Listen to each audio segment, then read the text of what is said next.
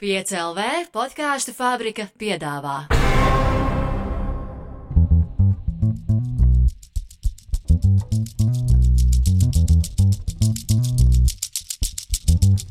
Labdien! Vai kādreiz esat par kādu nodomājuši? Viņam gan ir paveicies.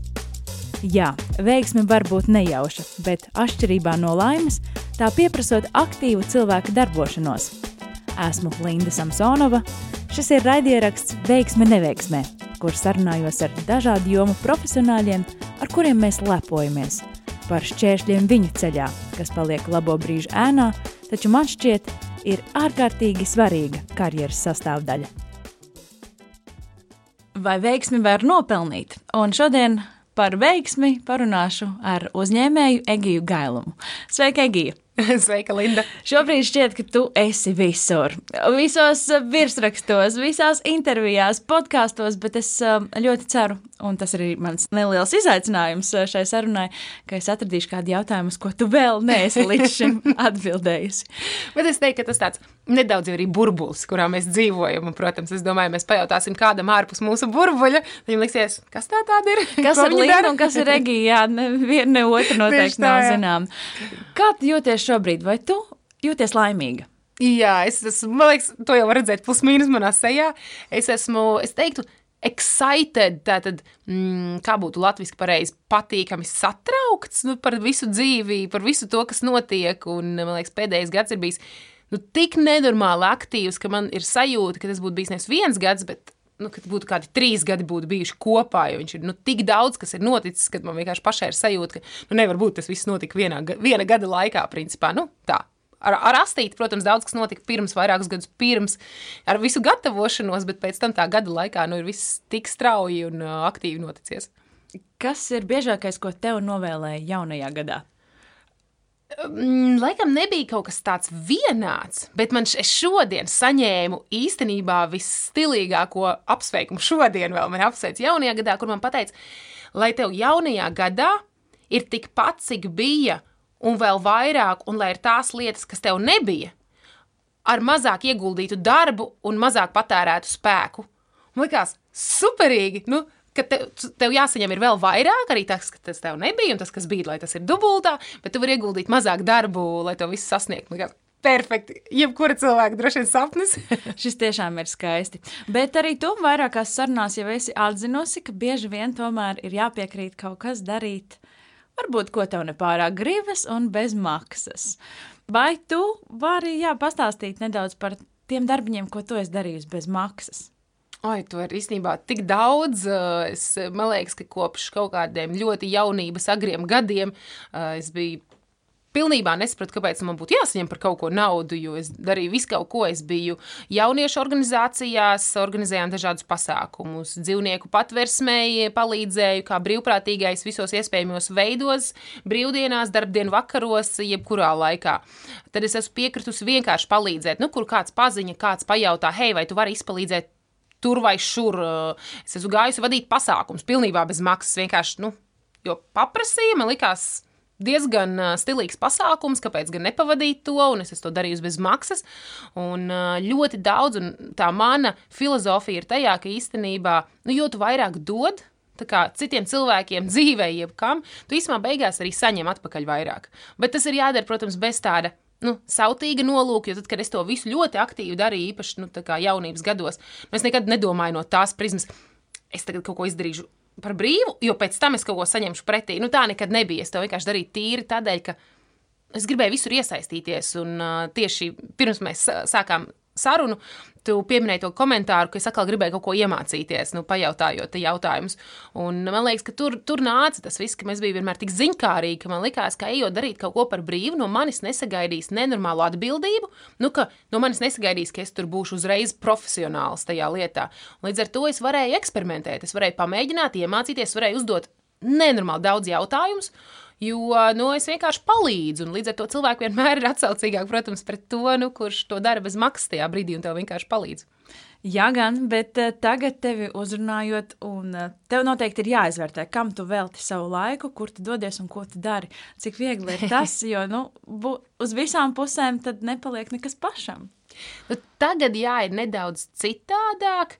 Um, es tik un tā cenšos maksimāli visur iesaistīties un, un doties tīri tādēļ, ka man tas patīk. Es to nedaru aiz kaut kāda iemesla, jo tā būtu jādara. Ne, man vienkārši patīk. Man patīk iepazīties jauniem cilvēkiem, man patīk uzzināt kaut ko jaunu, man patīk būt jaunās vietās, un vēl man nenormāli patīk, ja es kaut kur eju, man ir nedaudz iekšā tāda. Nu, trīsoņas, vai kā pareizi saka, to sajūtu, nu, ka nedaudz, nedaudz bail, nedaudz satraukums, tu nezini, kā būs, un es kaifoju no tās sajūtas, un kad pēc tam tas beidzās, tad tev ir tāda nenormāla, milzīga gandrījuma sajūta, ka tu to izdarīji. Līdz ar to es cenšos tik un tā maksimāli iesaistīties, kur es varu, bet, nu, biežāk, protams, man nākas pateikt arī kaut kur nē, bet tas, ko es cenšos, ja es pasaku nē, es cenšos parasti uzreiz piemeklēt Ko es varu piedāvāt vietā? Vai ir kāds, kurš varētu vai nu palīdzēt, vai arī tas ir, nezinu, kāds mm, podkāsts, kurā iet runāt, varbūt es varu kādu no saviem kolēģiem aizsūtīt. Nu, līdz ar to es vienmēr mēģinu kaut kā atbalstīt, tik un tā palīdzēt līdz beigām. Nu, ka, ja es nē, tad vismaz kāds cits. No tevis plūst enerģija, bet vai ir arī brīži, kad tu tiešām jūties nogurusi? Jā, protams. Es, es jūtos bieži nogurus, bet zini, kur ir tā atšķirība? Ka nav tā, ka tu to baigi redzēsi. Es arī šobrīd esmu noguris, jo mēs tikko bijām tur vienā ekspedīcijā ar elektroautorātu uz divām dienām, un es tur gulēju trīs stundas. Un tad pēc tam nākamās dienas bija darbs, un šodien ir atkal pilna diena, un es, es, es esmu noguris arī šobrīd. Bet uh, man tik normāli liekas superīgi tevi satikt un būt šeit, kaut kā es uzsūcu enerģiju. Ziniet, kā parasti saka, ir tie nu, vairāk cilvēku tipi. Un ir tie, kur uzsūc enerģiju tieši esot starp citiem cilvēkiem, un ir tie, kuriem vajag tieši vairāk. Nu, pabūt vismaz vienu dienu vienam, un tad viņš ir atkal atjaunojis enerģiju. Man ir tā, tas pirmais tips, ka es uzsūcu to enerģiju no tevis šeit esot. Līdz ar to es jūtos vēl tā kā, oh, bet ja es pasēdēšu mājās, tad es sākšu justies aizvien tā kā, oh, jā, reizes sagurus, oh, nu, re varētu vēl pagulēt nedaudz gultā, un līdz ar to, nu, tur, tur ir tā citādāka, citādāka vienkārši kaut kāda, es nezinu, kas ir enerģijas apmaiņa, personības tips. Šim es piekrītu, jo bieži vien arī nākot uz radio un gatavojoties šim podkāstam, man šķiet, oh, nu tagad mums stunda būs jārunā tā, bet pēc tās sarunas es esmu pusmetru virs zemes un varu turpināt savu jā. dienu. Nu, tad tu arī, tad tu arī piederi tam vairāk tipam, jā, kurš īstenībā uzlādējas no tām lietām. Bet, eh, ziņā, kaut kur jau ir jāatrod tas līdzsvars. Tu nevari jau iet pilnīgā galējībā un tagad nekad vispār nepabūt vienam. Man ir reizes, ka man tiešām prasās, piemēram, brīvdienās aizbraukt kaut kur vienai, nezinu, paņemt kaut kādu mājiņu, Airbnb un vienkārši vienai pašai pačilot uh, divas dienas. Un arī tas ir vajadzīgs. Un, man liekas, nu, līdz ar to tur kaut, kā, kaut kāds balanss ir jāatrod tajā visā. Manuprāt, uzņēmējdarbība ir stresaina vide. Vai tu spēj vispār iedomāties savu dzīvi bez tāda neliela ikdienas stresiņa? Laikam jau nē. Tad, kad uh, mums nesen bija tieši ar draugiem saruna par stresu, es mēģināju saprast, es stresoju ikdienā vai es nestresoju. Un tad es sapratu, ka iespējams tur arī tas stresa līmenis, kur tu jau vairs, nu, tur, tu nejūti. Tu neizjūti to kā stresu, bet viņš visu laiku tur ir, jo par kaut ko tev visu laiku ir jādomā. Nav tā, ka ir pulkstenis seši un tā kā, ah, nu tagad viss čil. Tagad es domāšu par to tikai rīt no rīta. Tāpat visu laiku domā, bet uh, droši vien pieaug tā stresa tolerance, nu, kuru tu vairs neuztver kā stresu, kurš nav savā veidā, kurš vairs nav degradējošs. Nu, viņš tevi neiespaido, ka tur nezinu, tev nesāks pasliktināties veselība, bet nu, viņš tomēr tur visu laiku ir. Un uh, varbūt es pat to saucu par adrenalīnu. Nu, ka, kas, laikam, adrenalīns jau ir tas līdzīgs stresam, jau tur vien ir, bet es teiktu, ka uzņēmējdarbībā drīzāk vairāk tas adrenalīns, tad, ja tu dari un tev tas patīk. Jo, zināmā mērā, ir cilvēki, kur uzsāk kaut ko tikai tādēļ, nu, ka tas ir kaut kāds sabiedrības spiediens, vai tādēļ, ka citiem likās, ka tas būs krūti un tādēļ to sāki darīt. Tad droši vien tur ir cita veida stress, tāds degradējošs. Bet, ja tev tas patīk, tad es teiktu, tas ir tāds adrenalīna veida stress. Es nezinu, iespējams, ka izgudroju jaunu, jaunu terminu šim. Un, um, bet ir, protams, ir reizes, nu, ka tas stress ir tāds nu, ka tu jūti tiešām ok, nu, ka tagad tu jūti, ka tev iekšā viss ir tāds, nu, tāds tā nedaudz uzvilkts, ka tu visu laiku jūties tāds, nu, gatavs reaģēt jebkurā mirklī. Tādi, protams, brīži arī ir atkarīgi, zin kā, visu laiku ir tāds tā kā kalniņa augšā, kalniņa lejā. Tad vienu dienu tu esi tā kā, un Latvi, latviski izsakoties, on top of the world, jā, tad, pašā kalna virsotnē, nākamajā dienā tu esi pilnībā pakājai un liekas, ka viss ir slikti, un tā kā nākamajā dienā tev liekas, viss ir labi, un man liekas, tā ir tā ikdiena, jā. Pie tā viss ir slikti. Mēs noteikti vēl atgriezīsimies. Tur, tur, tur es gribētu pakavēties, jo man šķiet, ka ļoti daudz domā, ka tiem veiksmīgajiem, kurus intervē un ar kuriem runā, no tiem jau tomēr viss ir labi. Un tie ļoti reti, kad ir tajā zemākajā punktā, bet es ticu, ka tā nebūtu nav. Klau, tu arī pat pieminēji par atlikšanu uz rītdienu. Ir ļoti populārs teiciens, to, ko tu vari, ja tu kaut ko vari izdarīt rīt, dari to rīt, nedari to šodien. Kā tas ir ar tevi? Vai tu tam piekrīti, vai tomēr? Ir tāds uh, Aleks Hormozi, kas ir amerikāņu uzņēmējs, un viņam uh, bija tāda intervija, kur viņam jautāja, kuri cilvēki, kuri cilvēki nekad nekļūs bagāti. Kur cilvēki tā kā, kā tu vari pateikt, vai cilvēks tā kā kļūs veiksmīgs, tur bagāts, visu kaut ko izdarīs. Un viņa tā atbild bija ļoti interesanta. Viņš teica, tie, kur sāks rīt. Un tā doma man tas tā iesēdās galvā, ka tā doma par to, ka tas jau nebija par to, ka, zin kā, citreiz ir tā, ka tiešām tu saliec savu plānu. par vakaru. Jā, tu saliec savu plānu, rīt es saku to, parīt es saku to darīt, un tas ir normāli, bet tā, tur jau tā filozofija bija dziļāka. Nu, ka vienkārši, ja tu novēro sevi, ka tu ikdienā jau diezgan tā kā tāds, nu, ieiet taciņa, tu visu laiku atliec uz rītdienu. Nezinu, tur sākšu ēst veselīgi, un tā jau mēnesi ēd veselīgi rīt. Nu, kas skaidrs, ka nu, tur nebūs tā. Rītdiena nu, nekad nepienāks. Tā rītdiena nekad nepienāks, jo tu visu laiku atliec uz rītdienu. Līdz ar to es skatos uz to tā, ka no, no konkrētiem mērķiem, kas man ir jāsasniedz, kas man ir jāizdara. Nu, ir lietas, ko es, es uzreiz sāku šodien, ir lietas, ko es vienkārši sāku rīt, jo, piemēram, rīt sāks jaunā sezona kaut kam tur. Bet, eh, ja par tādām ikdienas lietām, tur nezinu, uz treniņiem, man arī, protams, kādreiz ir kā, tāds sagrums un tāds. Ai, nu es no rītdienas atsākšu atkal lietu. Un tad es pats sev pieķeru pie tās domas, un tad es pati vienkārši sev piespiežu aiziet. Nu, ka vienkārši piespiežu kaut vai ar to domu uz desmit minūtēm. Es ieiešu, padarīšu, nu, labi, es eju tur uz pludmales volejbolu, tur treneris droši vien pēc desmit minūtēm man neļaut iet prom, bet nu, tā ideja to, ka, ja es gribēšu, vienkārši pagriezīšos, aiziešu prom. Un tu jau nekad neaizies nu, prom. Protams. Tad jau tu visu tu jau esi iekšā tajā. Līdz ar to, liekas, ir lietas, kas ir jāsāk šodien, ja tu saproti, ka tu viņas atcel nevis tādēļ, ka tas ir tavs plāns, ko tu gribi darīt, bet tas ir tādēļ, ka tev ir slinkums un ka tu gribi sevi pažēlot un tu gribi sevi ielikt kaut kādā šajā nu, upura lomā. Un tāpēc tu visu laiku pārcēli, jo tev liekas, nu, kā, ah, nu, bet man tur bija smaga diena un tā tālāk. Un vienreiz ir ok, divreiz, trīsreiz arī labi, bet, nu, ja tu redzi, ka tas jau ir atkārtojās no dienas dienā mēnešiem, nu, tad vienkārši atceries šo Aleksu Hormozī, uzliec viņa interviju par, par, par to, kuri cilvēki sasniegs daudz, un tad tas kaut kā tev iesēžās un vienkārši vairs neiet ārā no galvas. Tu saproti, ok, nē, es, es negribu būt tas, kurš atliks visu mūžu kaut ko darīt rīt. Kā tu domā, izvērtējot, cik daudz no taviem panākumiem ir ietekmējis veiksme, vai tomēr tas ir darbs, darbs, darbs? Abi divi. Es teiktu, ka ļoti daudz, jebkurā gadījumā, vienmēr ir veiksmes faktors. Es pilnībā ticu tam, ka ir, ir nenormāls veiksmes faktors, bet tas, kam vēl es ticu, ir, ir cilvēki, kur vienkārši ir atvērti tai veiksmei. Nu, tu nevari sēdēt mājās dīvainā un cerēt, ka pēkšņi uh, tev atsūtīs Linda ziņu, ka, hei, negribi atnākt uz podkāstu. Kāpēc? Nu, tu sēdi uz dīvāna, ko tieši tu pastāstīsi, to, kā tu sēdi uz dīvāna. Līdz ar to, bet ejot un darbojoties, nu, tu esi uzreiz atvērts tam veiksmes iespējai. Ir lielāka iespēja, ka tev veiksies, tad, ja tu ej, dari lietas. Tas ir vienalga, kurā sfērā, pat ne uzņēmē darbībā, vienalga, tur darbā, mūzikā, mākslā, sportā. Nu, tev ejot, esot starp citiem cilvēkiem, tu vienkārši pirmkārt paplašini to savu redzesloku, un bieži vien jau tā veiksme ir.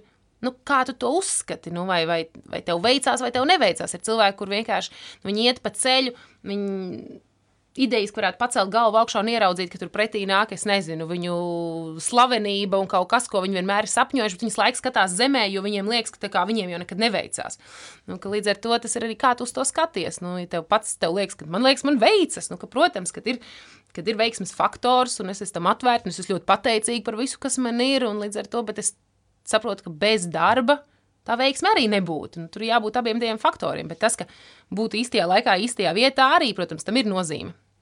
Šis dzinulis, kas ir tevī, tas nāk no ģimenes, vai tu esi tāda vienīgā, kas izceļas? Ne, nu, nevis tāpēc, ka kāds būtu neveiksmīgāks, bet uh, nu, vai tu atšķiries, vai tomēr jūs visi ģimenē esat tādi? Nu, nedaudz es atšķiros, Bet vienkārši citādākā veidā tas, ko, ko mani vecāki man lika iekšā, vienmēr ir tāds, nu, ka tu vari darīt visu.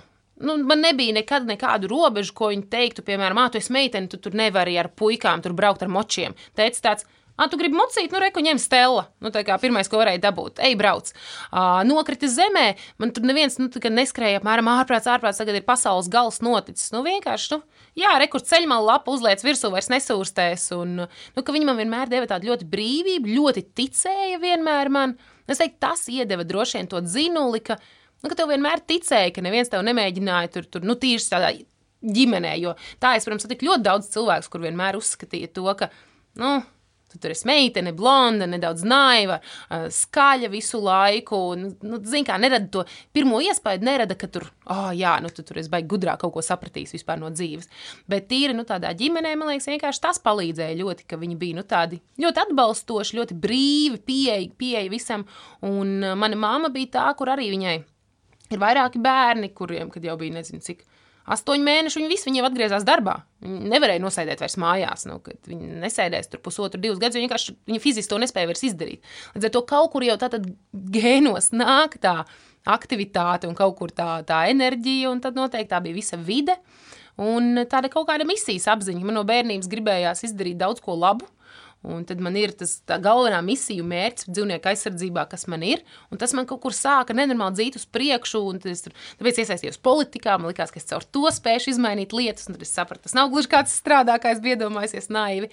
Un līdz ar to tā, tas vienkārši pa posmiņam, pa posmiņam gāja uz priekšu. Jā, tu esi izteikusies, ka esi vēlējusies būt arī prezidente. Jā, bet tad tu tā kā, tā kā nē, bet tagad varbūt kādreiz. Kādreiz es tiešām neatmetu to ideju. Es iedomājos, ka kādreiz varētu. Tas, uh, man gan gribētos tā, ka tas prezidentam ir. ir, ir vairāk pilnvaru, bet iespējams jau tas ir atkarīgs arī no katra cilvēka. Ka tā nav tikai reprezentatīvā tieši funkcija. Tieši tā, ka tā nav tikai reprezentatīvā funkcija, bet tomēr nu, tu, tu vari ietekmēt nedaudz vairāk uh, lietas. Un līdz ar to, jā, manuprāt, atskatoties uz Vairu Viķu Freibergu, man liekas, tas plus ļoti bieži uh, sievietei esot prezidentei, ko mēs novērojām, ir, ka vienmēr viņa bija viena no retajām jo lielākā daļa bija vienmēr vīrieši visur, kur viņi aizbrauc.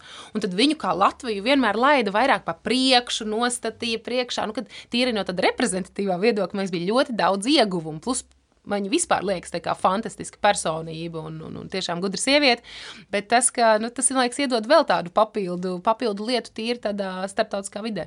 Cik interesanti, jo jau vairāki gadi ir pagājuši, un joprojām, kad ir kāda ministra prezidente vai augstā amatā dāma, ka Latvijā ārzemēs viņi tiek izcelti. Pavisam nesen arī par to, ka kā tad ministri var ballēties. Kā tu uz to skaties, ja tu būtu kādā augstā amatā? Tu arī ballētos. Jā, to publiski. Protams, es, es, es neatbalstu, protams, to, ka tu nezini, ka tev tur būtu jāpiedzerās vai, vai jālieto kaut kāds cits substants, bet es varam ļoti nesapratu, kur ir problēma tajā, ka cilvēks dejo, lēkā, dzied skaļi. Nu, mēs visi esam cilvēki, pilnīgi visi. Jebkura persona, ko, ko, ko tu redzi televizorā, vai kā tā ir tā pati persona, kur grib tās pašas principā, lietas, ko tu darīt, izklaidēties, atpūsties. Līdz ar to man nekad nav bijis saprotams, kādēļ vieni cilvēki drīkstētu to darīt un citi nē. Protams, nē, ja tur tas, eh, šī ministra ietu tagad pilnīgā pārdzērusies, tur, tur, tur vēmtu vecrīgā uz ielām, tur rāpotu. Es piekrītu, tas man arī liktos nepieņemami, jo tomēr nu, tas reprezentē kaut ko, bet ja tu vienkārši lēkā, dejot, dziedi, iedzer šampi vai vīnu, neko sliktu tajā neredzu. Bet vai tu esi sev pieķērus kādā brīdī, jau tagad, nu, ka es tā nedrīkstētu darīt? Man tomēr cilvēki atpazīst. Es gribu, lai par mani ir kaut kāds no, nopietns tēls kā par uzņēmēju, vai tev jau ir bijis šādi brīži, ka tomēr tu sev piebremzē? Jā un nē. Mm, man liekas, ka zini, kā vienkārši. Nu, Tik un tā, tu paliec nedaudz vecāks, tev vienkārši mainās arī lietas, ko, ko tu gribi. Bet man nekad nav bijusi vēlme radīt to iespēju, ka es esmu konservatīvi nopietni uzņēmēji, tagad, kur visu dara tā kā ir pareizi darīt, man, man tas nekad nav licies interesanti. Man tieši licies interesanti, ka tu esi nedaudz tāds drīzāk, varbūt rebelis tur, nu, ka tu dari lietas citādāk, tu esi tāds, kāds tu esi. Mm. Es, es tik un tā ar alkoholu esmu uz jums, līdz ar to tā man arī nav nekad bijusi šobrīd problēma, ka man būtu kaut kur jāprie, jāpiebremzē, jo drīzāk parasti ir tā, ka nu, cilvēkiem jāpārliecina, nu, vai nu vismaz vienu ar mums saskandina kopā. Līdz ar to tā man nav bijusi problēma, tādēļ man nav īsti kur tā baigi, nu, piebremzēt. Uh, Tad jau nav arī ko nožēlot. jā, nu tieši tā, līdz ar to varbūt vienē, tas, pie kā es varbūt vairāk piedomāju, ir, ka, nu, ka tu saproti, nu, labi, varbūt šajās pavisam tur saplāstajās biksēs, kurās tu gribēji ātri aizskriet uz miskas, nu, varbūt jāuzvelk tipa normālas bikses kājās. Bet, eh, nu, labi, tas jau arī bija tāds jau, jau smejoties vairāk par to, ka, nu, varbūt nedaudz vairāk vienkārši piedomā pie tā, ka vai vajadzētu vairāk nedaudz sakopties kaut kādos brīžos, vai tu vari atļauties tā kā pilnībā skriet ārā tā kā no rīta pamodies, vai tomēr vajadzētu izķemmēt matus. Lai gan uz vienu podkāstu es nejauši aizgāju neķemmētiem matiem, un tas podkāstu vadītājs tajā brīdī saka, "Egi, es, es, es negribu neko aizrādīt, bet tev tu bišķi mati tā, un es tur kaut kā mēģinu piekārtot, viņus tur sakārtot, un pēc tam es izēju ārā no tā podkāsta, viņiem nebija tur spoguļu, un es aizēju uz stoleti, un es saprotu, Tur nevis vienkārši nedaudz, bet es vienkārši nebiju izķemmējis šodien matus. Līdz ar to viņi tur stāvēja katrs nedaudz uz savu pusi. Gadās arī tā. Man šķiet, ka ir tāds šaus par biznesa haizivīm. Tā tad uh, ir vairāk lielu uzņēmēju, investoru, un tev ir jāiet uh, pārdot savu ideju. Transformējot, noteikti tu, tu esi piedalījusies ne šovā, bet meklējot investorus arī kaut kas līdzīgs. Vai tu spēj savu ideju pārdot, nezinu, pusminūtes laikā, vai tomēr tas nav uz ātrumu, tas vairāk ir par to, ko tu stāsti? Jā, tas ātrums vienmēr licies nedaudz, nu, ka tas tāds pārspīlēts. Jā, vai ne? Tu pārdod šo man uh, pusminūtes laikā. Tas... Jā, nu, manuprāt, tas tāds ļoti nu, tāds vec, vecmodīgais eh, pārdošanas pieejams, kur tev bija jādabūna trīs jā. Un tad, tipa, tu esi pārdevis, bet pēc tam Kris Voss, kas ir viens no labākajiem FBI eh, pārunu vedējiem, pilnībā apgāz to teoriju un pateica, ka īstenībā tev ir jādabūna no cilvēka nē, un tikai tad, kad cilvēks tev pasaka nē, viņš ir, viņš ir brīvs palicis. Tā kā viss tev tagad pasaka, nē, es jūtos brīvi, viss, man nav vairs ne jāizliekas. Un tad mums īstenībā sākas īstā saruna. Līdz ar to kad mēs staigājām, nu tad mēs esam četri, četri līdzdibinātāji kopā, mēs staigājām pie investoriem. Mēs nekad necentāmies nenormāli ātri. Mēs centāmies, protams, salikt koncentrēti, lai nav tā, ka mēs stundu stāstām, ko mēs darīsim. Nu, tad, protams, nu, arī nevien, visiem būs jau tāds, nu, viņi sen būs aizmiguši. Bet, nu, ne arī pusminūtes laikā. Un uh, pusminūtes laikā skaidrs, es varu sagatavot teikumu, kas ir pusminūtes laikā, bet viņš tāpatās tas teikums, nu, tie zinātājiem, kas pārzina industriju, viņiem viss būs skaidrs.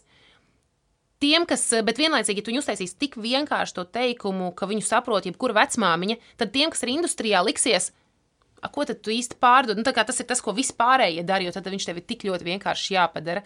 Līdz ar to mums bija vienkārši prezentācija, kas tur bija uz kaut kādiem, man liekas, tur septiņiem, septiņiem slaidiem, septiņiem, uh, un ar tādiem, nu, principā, bullet pointiem, nu, tādām galvenajām lietām. Tad mums ir šis, mēs darām tādēļ, tādas ir izmaksas, šādi ir ieņēmumi, šādi ir mūsu pieņēmumi, kas notiks nākotnē. Šis ir tas, ko mēs gribam uzbūvēt nu, tādā ilgtermiņā. Un līdz ar to tas, tas vienmēr strādāja. Mums nekad neviens investors nepaprasīja lifta prezentāciju pusminūtes, minūtes vai trīs minūšu laikā. Nekad, nevienu reizi neviens to nepaprasīja. Tas ir tāds vairāk šova. Nu, tas ir šova elements, jo skaidrs arī par televizoru. Nu, tev neinteresē skatīties katra uzņēmuma, katra startupa, tagad prezentāciju par visām pilnībā finansēm, par visu, visu, visu pārējo. Nu, tas tev vienkārši nemaz neinteresē kā skatītājiem. Tādēļ skaidrs, ka tur vajag ātri, fokusēti, ja vajadzētu. Mēs to arī mierīgi varētu izdarīt, bet nu, klasiskam investoram tomēr interesēs padziļināt, noskaidrot to visu, kas, ko, kā, lai saprastu visu precīzi. Jo citādāk, jau nu, tu vari tur. Tu vari piepušķot tik skaisti tajās trīs minūtēs un to padarīt daudz izcilāku nekā tas ir. Es domāju, katrs ir dzirdējis, ja tev ir kāda laba ideja, attīsti to, nebaidies. Bet kā saprast, vai šī ideja tiešām ir laba? Manuprāt, šīs šaubas eh, dažiem ir pārāk daudz, un daudziem savukārt nav vispār nekāda bremža, tikai, tikai mauts. Ziniet, kā nu ir, ir daudz teorijas, kā pārbaudīt. Uh, ir, protams, arī ko es esmu teikusi. Ja, ja tas produkts ir tāds, ko tu vari, piemēram, uztaisīt mājaslapu, burtiski bez maksas, un, un, un ieguldīt tur 100 eiro Facebook reklāmās, un paskatīties, vai cilvēki atstāja ēpastu un spiež, piemēram, pirkt, un tad uzliek paziņojums, ka, hei, atvainojamies, šis ir šobrīd tests, mēs esam izpētes stadijā. Ja tev ir tāda iespēja, tad izdari tā. Ja nav tādas iespējas, nu, tad ir burtiski jāapmeņa. Piemēram, mūsu gadījumā nu, mēs zinājām, ka nu, kāršērings kā industrija strādā. Tas, kas bija mūsu nezināmais, ir vai Tesla strādās, vai ilgtermiņā, vai nebūs tā, ka, piemēram, cilvēki vienreiz Teslu pamēģinās tādēļ, ka tas ir kaut kas jauns un interesants, bet pēc tam turpinās braukt ar citu uzņēmumu mašīnām, un tās Teslas nemaz ikdienas braukšanai neinteresēs. Svētkiem. Jā, tieši tā, un mēs to nezinājām. Nu, Mums bija pieņēmumi, protams, bet nu, mēs nevarējām to pierādīt tajā brīdī. Līdz ar to mēs sapratām, nu, mums ir jāmēģina. Mēs vienkārši uztaisījām, mums bija daudz un dažādi scenāriji, ko mēs darām sliktākajā gadījumā, ko mēs darām labākajā gadījumā, ko mēs darām tādā vi vidusceļā. Un līdz ar to, nu, man liekas, ar tām idejām vienmēr ir tā, ka jāsaprot, vai tu vari viņu uztaisīt kā tādu saucamo MVP, minimum viable product. Nu, vai tu vari uztaisīt mājaslapu, vienkārši pamēģināt, lai cilvēki pērk šo produktu vai šo pakalpojumu, vai zvana, piemēram, piesakās. Nu, ja nevari, nu, tad mēģini ar mazākajiem iespējamām finansējumu nu, uztaisīt dzīvē kā reāli to produktu. Bet, nu, tur ir tik daudz uh, opciju un iespēju, un tur vienkārši ir jāsaprot, vai tu baidies vienkārši tāpēc, ka tu baidies, jo Mēs baidāmies ne jau no tā, ka neizdosies. Mēs baidāmies no tā, ko par mani padomās, ja man neizdosies. Līdz ar to nu, varbūt no sākuma ir jāsāk ar šo jautājumu, ka tu saproti, nu, kāpēc tu varbūt baidies pamēģināt šo ideju. Un tad, ja tas īstenībā ir kaut kāds nosodījums, tas ir nu, pašapziņas jautājums. Tad es ieteiktu no sākuma pastrādāt ar savu tātad, mindsetu, prāta stāvokli. Mm, ir, ir tāda Karola Duveka, kurai ir ļoti superīga grāmata Mindset, kur ir diezgan vienkārši izskaidrots, kā strādā mūsu smadzenes un to, kā, kā mēs varam mainīt to, kā mēs domājam, veidu. Tas šis nav kaut kāds vuvu par to, kā agrāk bija kaut kas modē, tur apmēram ar domu spēku kļūsti bagāts, bet nē, te ir burtiski tā kā vienkārši ar šo prāta stāvokli. Maini šo, ka tu vienkārši uzdrošināties pamēģināt to ideju, nevis turpinās baidīties no tā, ko par tevi padomās citi. Lai būtu veiksmīgs, noteikti ik pa laikam arī bišķi jāapdedzinās. Pastāst par uh, saviem pirmajiem biznesiem, pirmajiem kredītiem. Jā, man uh, ir bijuši daudz apdedzināšanās punkti. Uh, laikam tāds pats trakākais bija uh, kaut kur ap 18 gadiem, kad mēs kopā ar vienu draugu izlēmām, mēs taisīsim biznesu, tas būs internetu veikals zoo precēm. Tajā laikā diezgan pat inovatīvi, jo bija tikai tajā brīdī viens uzņēmums, kas to darīja. Un, bet, nu, tā izpratne mums bija kāda, nu, bija, ko mēs sapratām, kas ir uzņēmums. Reģistrēts SIA, darīts, noreģistrējām SIA. Kas ir nākamais uzņēmumiem? Office. Kā lai mēs dabūjam oficiālu, vajag naudu. Kā lai mēs dabūjam naudu, skatījāmies, bija dažādas tās atbalsta programmas, tur konkursi. Nekur mēs nevinnējām, jo nu, internetu veikals neskaitījās kā kaut kas tik inovatīvs. Līdz ar to mēs paņēmām jā, ātrā kredītu, tajā laikā neviens neko nepārbaudījies, kā 18-gadīgs uh, meitēns īzī varēja paņemt uh, tātad šo te ātro aizdevumu. Mēs paņēmām, manuprāt, kaut kādus 300 latus. Nu labi, bet iedomājieties, Egīņam kredītu biznesam citi ballītēm. Šis jau ir interesants aspekts. nu jā, protams, bet procentu likme no tā nemainās. Un, uh, Un tātad mēs paņēmām 300 latus, 100 latus ieguldam par pirmo mēnesi oficiālam un 100 latus par pēdējo mēnesi. Nu, tā vienmēr bija, ka tas noteikums tev jāmaksā par pirmo un pēdējo mēnesi. Tad tur dēsiet 200 lati. Pēc tam sēžam mūsu mazajā oficiālā uz mazā krasta ielas, tur tieši aiz molu, tur tāda balta ēka. Un uh, saprotam, nu, ko tālāk. Nu, vajag piegādātājus, mums vajag tās preces. Atrodam Google, kur ir piegādātāji, aizbraucam, noslēdzam ar viņiem līgumu. Tur Ziepniekalnā viņiem bija bāze, visu saslēdzam. Mēs šeit esam sijā, varam parakstīt visu skaisti. Tad mēs atkal esam mūsu skaistajā oficiālā, un tad mēs saprotam, no ko tālāk. Nu, tad, tad tas jau ir kaut kāds viens mēnesis, jau ir tūlīt būs pagājis, mums ir piegādātājs, un mums nav mājaslaps. Mēs nezinām pat vēl tādā laikā, kā īsti uzbūvēt mājaslapu, kā to darīt mums nav klientu, mums īsti saprašanas nav par neko. Un tajā brīdī mēs mēģinājām caur draugiem panākt, ka viņi kaut ko pērk, un tad mēs nopirkām patlikušo naudu divus barības maisus suņu, pārdevām draugiem par to pašu cenu, par ko viņi būtu nopirkuši tajā veikalā, aizvedām viņiem, līdz ar to mēs iztērējām vēl naudu aizvedot šos maisus, un tad pienāca, ka jau ir jāmaksā par otro mēnesi jau par ofisu, un, un mēs sapratām, mēs vairs nevaram. Un tad mēs arī bankrotējām, un tā mūsu vizītes lielais beidzās, bet mums ir tādi sapņi tādi plāni. Nu, labi, bet kā jūs atmaksājāt šo naudu? O, ļoti ilgi, kaut gadu mēs vēl maksājām. Tur, tur, tur ļoti ilgs laiks pagāja. Mēs, man liekas, es varu tagad samalot precīzi, bet man liekas, mēs dubultā samaksājām. Tajā laikā jau nu, toreiz arī nu, naudas vērtība, protams, ar katru gadu samazinās. Līdz ar to toreiz 300 lati bija.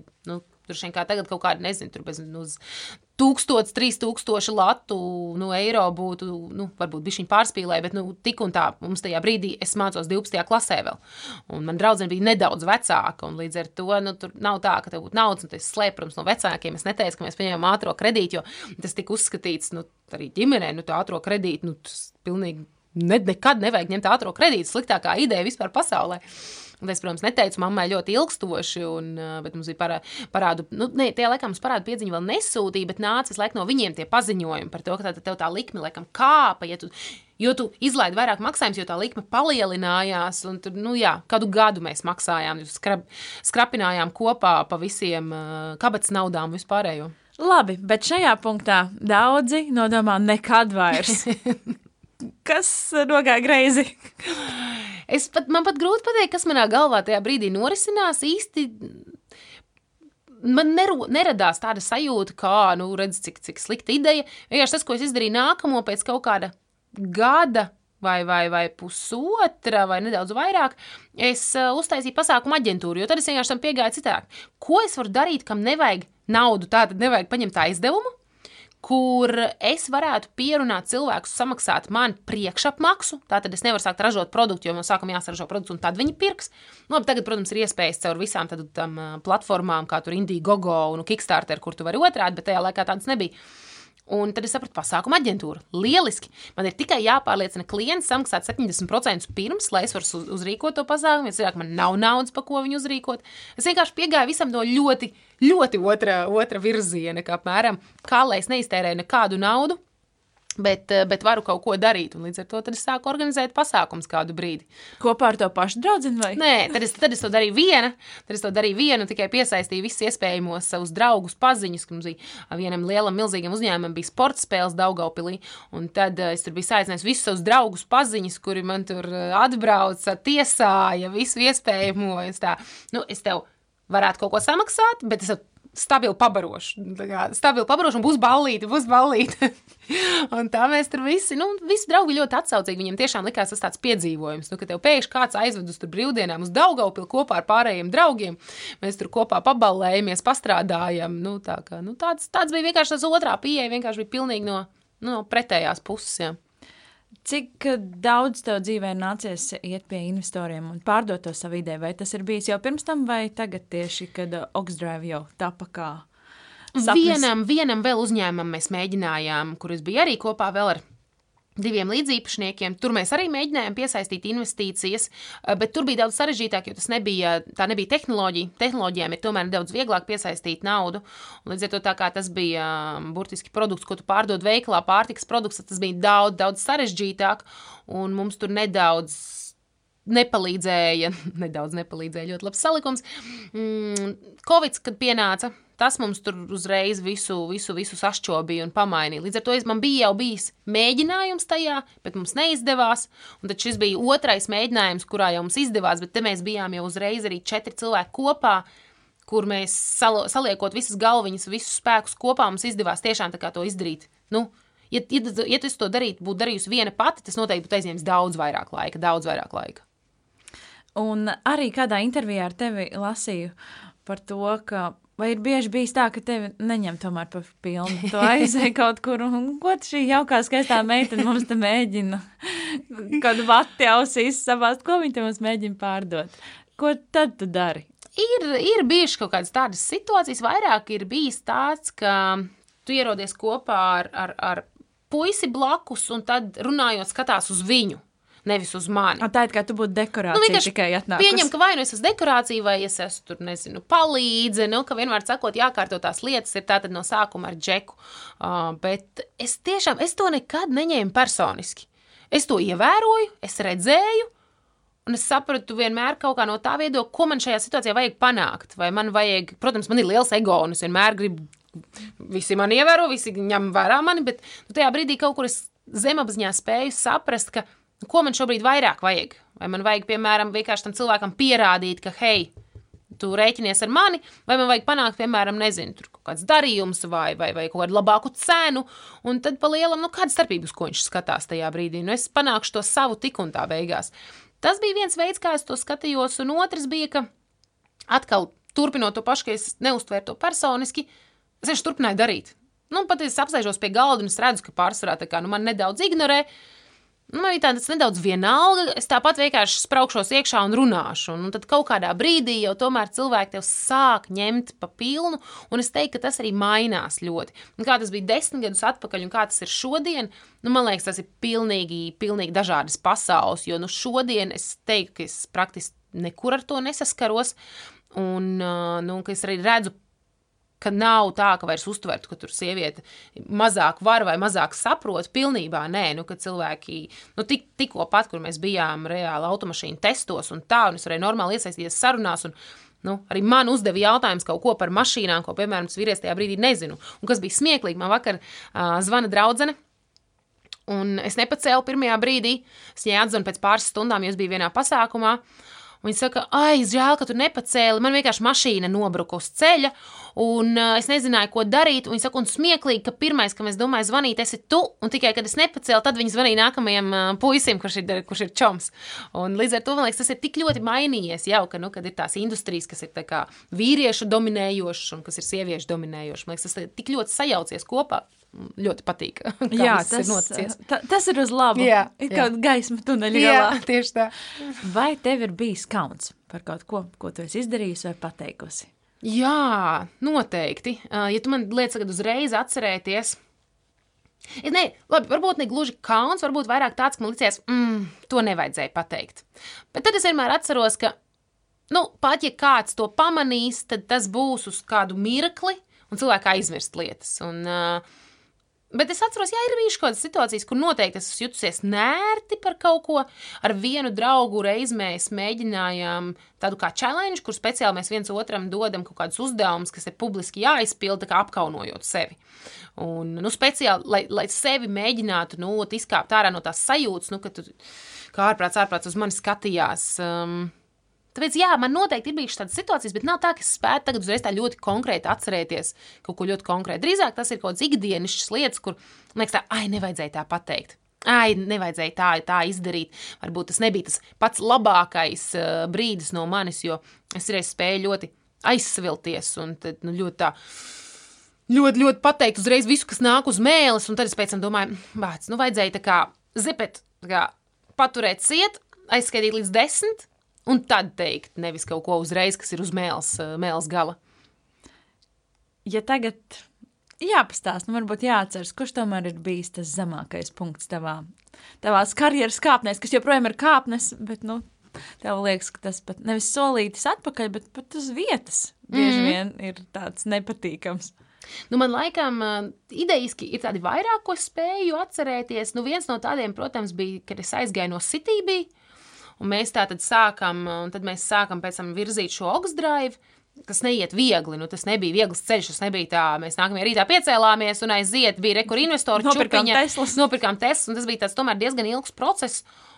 Un tas bija tāds brīdis, kur iekšēji jūtu, ka bācis, vai, nu, vai es nepieļāvu milzīgu kļūdu tikko. Ka, bet vienlaicīgi es apzinājos, ka es neesmu gatava iet atpakaļ. Nu, ka nav tāds, ka es būtu gatava pagriezt atpakaļ laiku un tomēr neaiziet prom. Līdz ar to tur bija tāds ļoti konfliktējošs sajūts, ka es jūtos, ka, nu, bāc, nu, šis varētu nebeigties labi, nu, jo, jo, jo tātad mēs tagad taisīsim kaut ko, it kā tajā pašā industrijā, bet nu, tādu nišīgu produktu, kas nozīmē īpaši, kad ir niša, tas ir, nu, zin, kā tāds riskantāks ar to, ka tas ir mazāks. Un, uh, un ka es nezinu, vai es ne, nesabojāšu kaut kādu tēlu par sevi, un ja šis viss neizdosies, vai pēc tam vispār kāds cits gribēs ar tevi sadarboties, Nu, tas bija tāds brīdis, kur tu esi tāds ļoti, un es, protams, es iestājos tajā brīdī bezdarbniekos, un tas arī sita pa tavu ego.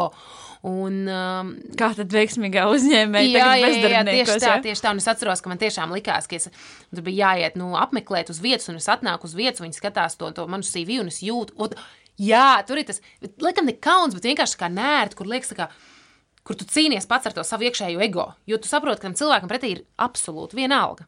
Pilnīgi vienalga. Bet tu cīnies ar to savu ego iekšā, kur nu, tu esi uzstādījis to latiņu, un tagad tu sēdi šajā krēslā, nu, jo tu esi nu, kā bezdarbniekos, kamēr. Jo Mēs arī tad, kad sākām visu tur aktīvi augstdrēvā virzīt, mēs nemaksājām sev algas.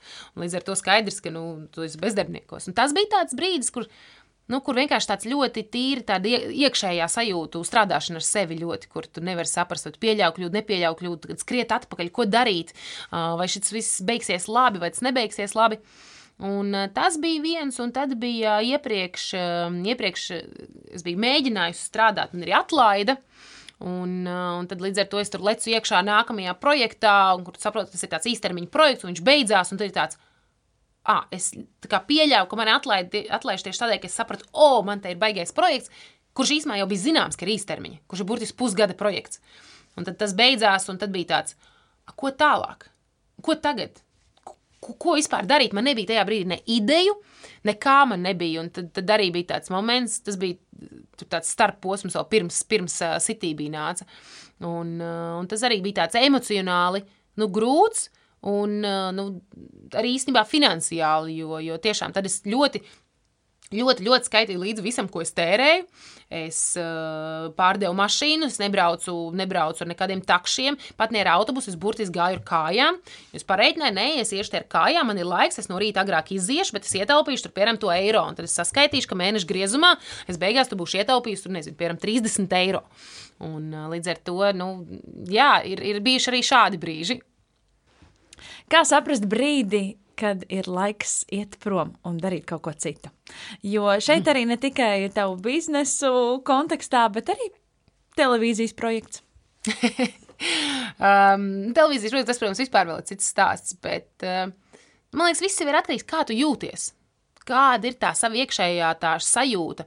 Jo, kad tu dzirdi, ka cilvēks saka, viņi iet uz, piemēram, vienalga, vai tas ir darbs, projekts, bet eh, viņi negūst no tā prieku. Jo, protams, ir jāatpazīst, vai tas vienkārši ir nogurums. Ir grūti, tā ir viena lieta, ka tu ej un vienkārši saproti, ah, oh, ir grūti, bet tomēr tev iekšā ir vēl joprojām, tu jūti tā dzirkstele par to. Vai, vai ir tā otra sajūta, kur tu ej, tu it kā visu dari, Bet pa lielam, nu, tu vairs neizjūti nekādu aicinājumu tam, ko tu dari. Man liekas, tur vienkārši tā ļoti, ļoti, ļoti dziļi sevī jāapskatās un jāsaprot, vai tev patīk tas, ko dari, vai tu gribētu to darīt ilgstoši, vai tu redzi nākotni tam. Vai tev ir interesanti pašam ikdienā, vai arī pats sākuma jautājums, ko man prasīja, vai tu esi laimīgs? Un, man liekas, laimīgs ir tas ļoti dažādas izpausmes, ļoti dažādas, man liekas, ir ļoti grūti to ielikt vienā teikumā, kas, ko nozīmē vārds laimīgs. Katram tas ir kaut kas savs, bet līdz ar to saprast to, vai, vai tev liekas interesanti tava dzīve, vai tev pašam tas patīk. Un, un, man liekas, ir daudzi projekti, kuros tu esi, kas ir posms, kas ir superīgs posms, kas tev papildina, kas tev izglīto, tu ļoti daudz ko iemācies. Jo, kā man viena draudzene pateica, ļoti skaisti, ka mēs, piemēram, plānojam šobrīd tur uz priekšu, tur, tur, tur dzīvi, ko mēs sasniegsim, ko mēs darīsim. Bet īstenībā pēc pusgada tu nezini, ko tu būsi iemācījies. Tu nezini, ko tu zināsi kādus cilvēkus tu būsi saticis, un iespējams visi tie tavi plāni, kas tev bija, tu viņus visus noslaucīsi nost. Un tagad tev būs jauni, man liekas, bieži vien cilvēki baidās no tā, ka tagad nomainīt, jo viņi ir izstāstījuši, es tagad darīšu to un to, bet pēc pusgada tu esi apguvis kaut ko jaunu un saproti, ka tu gribi kļūt par, nezinu, mūzikas skolotāju. Iepriekš stāstīja, ka tu būsi programmētājs, bet tu to pusgadu tu iepazinies ar kaut kādiem cilvēkiem un tevi ievedi šajā industrijā, un tas liekas pats interesantākais. Un tad cilvēkiem ir atkal kaut kāda tā iekšējā vai nu baile vai satraukums, ko citi par mani padomās, ka es tagad pēkšņi to visu nometu malā, ko es teicu, kas ir mani mērķi, un tad viņi paliek tajā pašā industrijā un turpina mēģināt iet tur uz priekšu, jo, nu, kā tas bija tas, ko es pateicu, tas mans mērķis, un viņi, nu, ka neliekas korekti mainīt, jo tiešām, nu, man liekas, agrāk bija tāds uzstādījums, ka, piemēram, ja tu maini domas, tad tik uztverts, ka tāds nu, nenopietns cilvēks. Tas ir normāli, ka tu maini domas. Tev mainās uztvere, tev mainās zināšanas, tev mainās daudz kas tu attīsties, ej uz priekšu. Un vienkārši tur laikam ir, kad tu saproti, ka īstenībā tev interesē jau citas lietas, un tas ir ok, un, un tad vajag kaut ko mainīt, tad ir jāiet prom. Nevajag, varbūt, protams, pilnībā lekt tur, nezinu, zin kā, kā bieži vien saka, jā, tur aizēj prom no visa, un tad domā, ko darīt. Un tas arī droši vien nav tas pats prātīgākais. Bet, eh, jā, līdz ar to tā vienkārši ir jāvadās pēc sajūtas. Man arī tieši tāpat nāca, ka mēs satikāmies visi četri tur kopā, un tas nejauši nāca tas augstdrāvis. Nu, tas nebija tāds nenormāli plānots. Tas bija tāds, kas pļāpājot, runājot pie pusdienu galda, pasmejoties, pajokojoties kā par ideju, bet man visu laiku iekšā sēdēja tomēr tā doma, ka es tomēr gribu kaut ko savu. Pat ja tas ir kaut kas mazāks, bet ka tomēr, nu, ka tu redzi tam cita, cita veida to pievienoto vērtību. Un līdz ar to tā bija burtiski viena diena, kad es sitīvī sēdēju, un tas bija tā tāds klikšķis pa galvu, ka viss, Viss ir jāiet prom. Nu, kā viss, es, es te vairs, nu, idejas, kas varētu tur, jā, doties uz Lietuvu, kā pa karjeras kāpnēm, jo Latvijā man vairs nebūtu, kur doties tālāk. Tad būtu jābrauc uz Lietuvu, tā ir modus grupa, kura tā, tad, kurai pieder šis sitīvi, un tad tu kāp tur tālāk. Bet es sapratu, ka tas, tas nav tas, ko es gribu darīt. Un Līdz ar to te es esmu izpildījusi pēc savas saprašanas, izpildījusi visu, ko es varēju izpildīt. Uh, un sasniedzu tos kaut kādus griestus, ko es redzu, ka tie ir griezti, un, uh, un viss, un pienāca tā sajūta, un es vienkārši viņai ļoti impulsīvi klausīju. Nu tā, kad tajā dienā, kad man bija, es uzreiz uzrakstīju tātad lieliem vadītājiem, tajā pašā brīdī es uzrakstīju, ka hei, es izdomāju, ka es iešu prom. Un viņš prasīja, cik ilgi tu par to domāji, es teicu, šodien. Drosmīgi. Šodien. Tiešām, ne te, nu padomā vēl. Teicu, protams, protams, es arī paņēmu nedēļu pēc tam vēl padomāt. Protams, Nedēļa, protams. citi gadiem domā, bet uh, apsveicam. Bet man bija liels pārsteigums uh, ieraudzīt tevi televīzijas ekrānā. Un, uh, ko tā meitene tur, nu, tā kā, tā kā tas ir tas lauciņš, kur. Kāpēc viņai vispār tas interesē? Pastāstīja, kā tu nokļuvi televīzijā un kāpēc tas šķiet bija tikai vai ne? Jā, nu, īstenībā tas, tas stāsts tur bija tāds atkal negaidīts, kur atkal dzīve tev piespēlē iespēju, un tu viņu vai nu izvēlējies, pasaki jā vai pasaki nē. Un es biju iepazinusies ar Lauri. Jau, man liekas, kaut kādus tur, tur, tur kādu laiciņu pirms tam mēs tur Amerikā iepazināmies un, un, un kļuvām par, par ļoti, ļoti jaukiem draugiem. Un viņiem sanāca, ka bija plānota cita vadītāja. Un vienkārši tā vadītāja beigās viņai arī tur dzīvē viss kaut kas mainījās, viņai bija cita iespēja, un līdz ar to viņa tomēr nolica no šī projekta. Un tajā brīdī viņi sāka domāt, ka viņiem, nu, viņiem steidzami vajag. Tas nav tā, ka tev ir laiks tur tagad ilgi tur testēt kaut kādus raidījumu vadītājus un meklēt īsto. Un Laurim vienkārši tajā brīdī ienāca prātā ideja, hei, iespējams, Egija grib, jo viņam, nu, viņš zināja, ka es esmu diezgan impulsīvs šajā ziņā, ka es tur pēkšņi, ah, jā, kāpēc gan nepamēģināt šo, kāpēc gan nepamēģināt to. Un, un viņi man pēc tam piezvanīja, mēs satikāmies, un es teicu, jā, kāpēc gan ne? Pamēģinam, nu, kāpēc gan ne? Un līdz ar to man nebija nekāda pieredze īsti bijusi. Skaidrs, ka kaut kādus pasākumus bija kaut kur vadījusi, kaut ko tādu, bet tas ir pavisam citādāk nekā vadīt raidījumu. Un tad es līdz ar to, to jā, vienu sezonu tur biju. Skaidrs, ka viegli negāja, jo man nebija šīs pieredzes. Um, līdz ar to es gribēju uzdot kaut kādus citus jautājumus, bet tie jautājumi, nu, kur dzīvē savā starpā sarunāties, ir interesanti, bet tev ir jādomā par to, vai ir interesanti skatītājiem. Un tas bija tas, kas man tajā brīdī nebija. Es uzdevu to, kas man likās interesanti.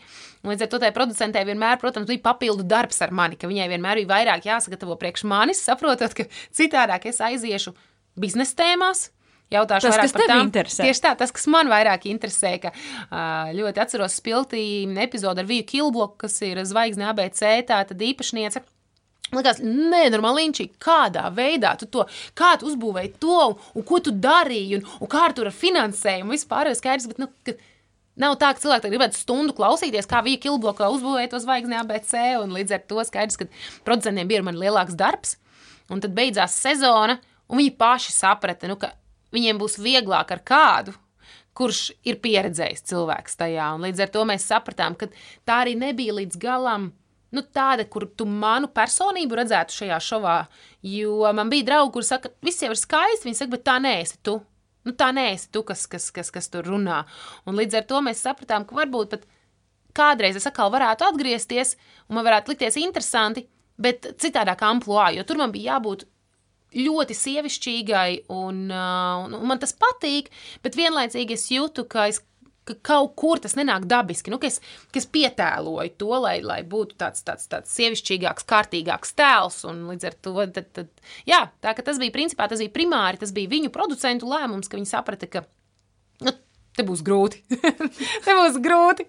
Un, uh, bet tā bija arī mana iekšējā sajūta, kur man likās, ka ja viņi teiks, paliec, es ļoti iespējams būtu palikusi, liktos, nu, kāpēc gan ne? Nu, Nu, vēl pamēģi- vienu. Pamēģināšu vēl vienu sezonu, jo tas ir tāds atkal treniņš sev izkāpšanai no komforta zonas, bet, ka viņi man piezīmēja un teica, nu, ka tomēr nē, Es, es viņiem tiešām teicu, ka jums nav jāatvainojās. Es tiešām tā kā viss kārtībā, jo, jo nu, skaidrs, ka visiem no malas bija skaidrs, nu, ka līdz galam jau tur kaut kas nav ar mani tajā amplitūdā. Nu, tieši tajā, kā man tur bija jāsēž. Vai pelnot vairāk, tu piekrīti tam, ka status prasa arī atbilstošas lietas? Vai tev patīk, nu, piemēram, ka sievietei ir jābūt, nezinu, labiem apaviem un somiņai? Ko tu domā par šīm statusa it kā, bet lietām? Mm, nē, man zina, kā man ir tā, ka es varu nopirkt eh, zīmolu somiņu, es varu nopirkt, piemēram, ejot pa veikalas ieraudzīju, tas bija Amerikā, uh, bija pilnīgi nekāds zīmols, bet viņai virsū bija uzraksts My other bag is Chanel mīļākā somiņa ever. Tā kā vispār bez zīmola, bez nekā pelēkā krāsā, bet ar lielu uzrakstu, ka my other bag is Chanel. Un līdz ar to man, man likās kā tā, nu, labākā somiņa. Līdz ar to man, man nav tā sajūta, ka tev obligāti vajadzētu. Man vienkārši liekas, ka nu, tad, kad tev ir vairāk naudas, Tev gribās atļauties nu, tās lietas, tev vienkārši patīk, un bieži vien, jau īpaši, man liekas, sievietēm ir tas, ka tas ir bijis tāds sapnis, visas tās dizaineru somiņas, dizaineru kurpes, nu, ka tas bieži vien ir bijis tāds sapnis. Man tas ir tāds, brīžam man uznāk, ah, man gribās, bet uh, kurpes galīgi nav, piemēram, mana, tā nav mana vājība. Vispār nē. Uh, man ir tā, ka, jā, es saprotu, ah, jā, šitās jau tūlītās beigas uh, dzīvot. jau neies. ir jānopērk jaunas, bet tā nav mana vājība. Man liekas, ka tas vienkārši ir vairāk tas, kas patīk, un savā veidā es teiktu, ka nu, cilvēki noteikti kompensē ar tām lietām uh, kaut kādus savus kompleksus bieži vien. Jo nu, tad, ja tu jūties, ka nu, tu, esi, tu esi vērtīgs tāpat neatkarīgi ne no kā, tad tu vienkārši pirksi tikai to, kas tev patīk. Un ir cilvēki, kuriem ir fetišs uz dizaineru lietām, vienkārši tā kā burtiski, nu, tev patīk, nu, tu, tu neko nevari izdarīt. Bet ir cilvēki, kuri, nu, jā, viņiem kļūst vairāk naudas, tad viņi uzreiz pērk, jo viņiem ir sajūta, ka tikai tādā veidā viņi iederēsies tajā sabiedrībā. Bet, eh, nu, es nezinu, vai tā ir īstā sabiedrība, ja tur tev vērtē tikai pēc tā, vai tev ir tā šanela mm, somiņa vai nav. Līdz ar to tie noteikti nav mana, mana tipa cilvēki, ja viņi skatīsies to, vai man ir tieši tā veida somiņa vai nav. Līdz ar to man liekas, tas nav Tam nav obligāti jābūt. Un ir ļoti daudz, piemēram, es pazīstu ļoti, ļoti veiksmīgi uzņēmēji, kuri burtiski, un mēs zinām, tā arī tas ne tikai ir no, no, no nezināmiem publiski, bet arī no publiski zināmajiem, īpaši vīriešiem, nopērk trīs kreklus, pelēkā, melnā, baltā krēslā, krēslā, krāslā, krāsā, divas bikses, un visu viņi staigā tā visu cauru gadu. Nu, viņiem neinteresē vispār nekādi tur zīmoli. Un, bet savukārt nu, mēs zinām, vienlaicīgi ir arī uzņēmēji, kuriem tur ir viņi rīktīgi stilisti paši sev. Tas, tas arī man liekas, ka atšķirība, zini, kur ir. Tad, kad jau vairāk naudas, ja vienkārši tu saproti, ka tā ir labāka kvalitāte, un es nopērkot, piemēram, šo dizaineru apģērbu gabalu, ar to staigāšu divus gadus, nevis pusgadu un izmetīšu, jo viņš izirs. Tā jau ir cita lieta. Jo, jo es esmu tas, kurš atbalsta tādu ilgspējību, un līdz ar to man liekas, noteikti, ja tu vari labāk kaut vai pat iekrāt naudu, pat nopirkt, un tas būs kvalitatīvs. Tad, tad, tad noteikti es atbalstu to, ka labāk nopirkt dārgāku lietu dizainere, bet tas turās. Uh, manā pieredzē man nav tādu konkrētu, kas varētu atcerēties, kaut kas ir ļoti, ļoti kvalitīvs. Jo man tāda ir bijuši dizaineru somiņas, ne dizaineru. Šobrīd man ir dizaineru somiņa, un viņai pilnībā roktur jau ir jau nonākusi krāsanost. Un es tieši skatos, un man ir tāds, Ko? Nu, tā kā šai somiņai nebija tā, tādai jāpaliek. Nu, es saprotu, tāda paliek nedizaineru somiņa. Nu, jā. Komplicēts jautājums, bet jā, man tas vienmēr sakot, man tas nav līdz galam svarīgi. Man patīk skaistas lietas, man patīk kvalitīvas lietas, man patīk dārgas lietas, bet man tas nav kā tāda obligāti, ka man to vajag. Tas ir vairāk tāds, o, oh, Ziemassvētku gribās sev palutināt, ah, nopirkšu to. Um, jā, tā kā quality over quantity. Es negribu noslēgt mūsu sarunu ar šo jautājumu, tāpēc, bet ļoti gribu pajautāt. Uh, no kā pavisam godīgi tev ir bail? Tu domā tādā mm, vairāk mentāli vai tā fiziski? Gan, gan. Uh, fiziski man tiešām ir, nu, mežā, piemēram, ejot, man ļoti bail no čūskām. Nu, tiešām man ir, es nevaru, tā kā es viņu ieraugu un, un ko man tur, es pat zinu, ka vienam tur zaugtis un tā, bet, nu, es nevaru, man no viņām ir, man viņas liekas biedējošas, man patīk viņām skatīties, bet no attāluma. Man tiešām liekas, ka viņam viss tā kustības, nu kaut kas tajā visā ir tik ļoti šarmants, un es varu skatīties video, kā cilvēki aiztiek tā čuskas, bet, nu, es, es pat tā, nu tā.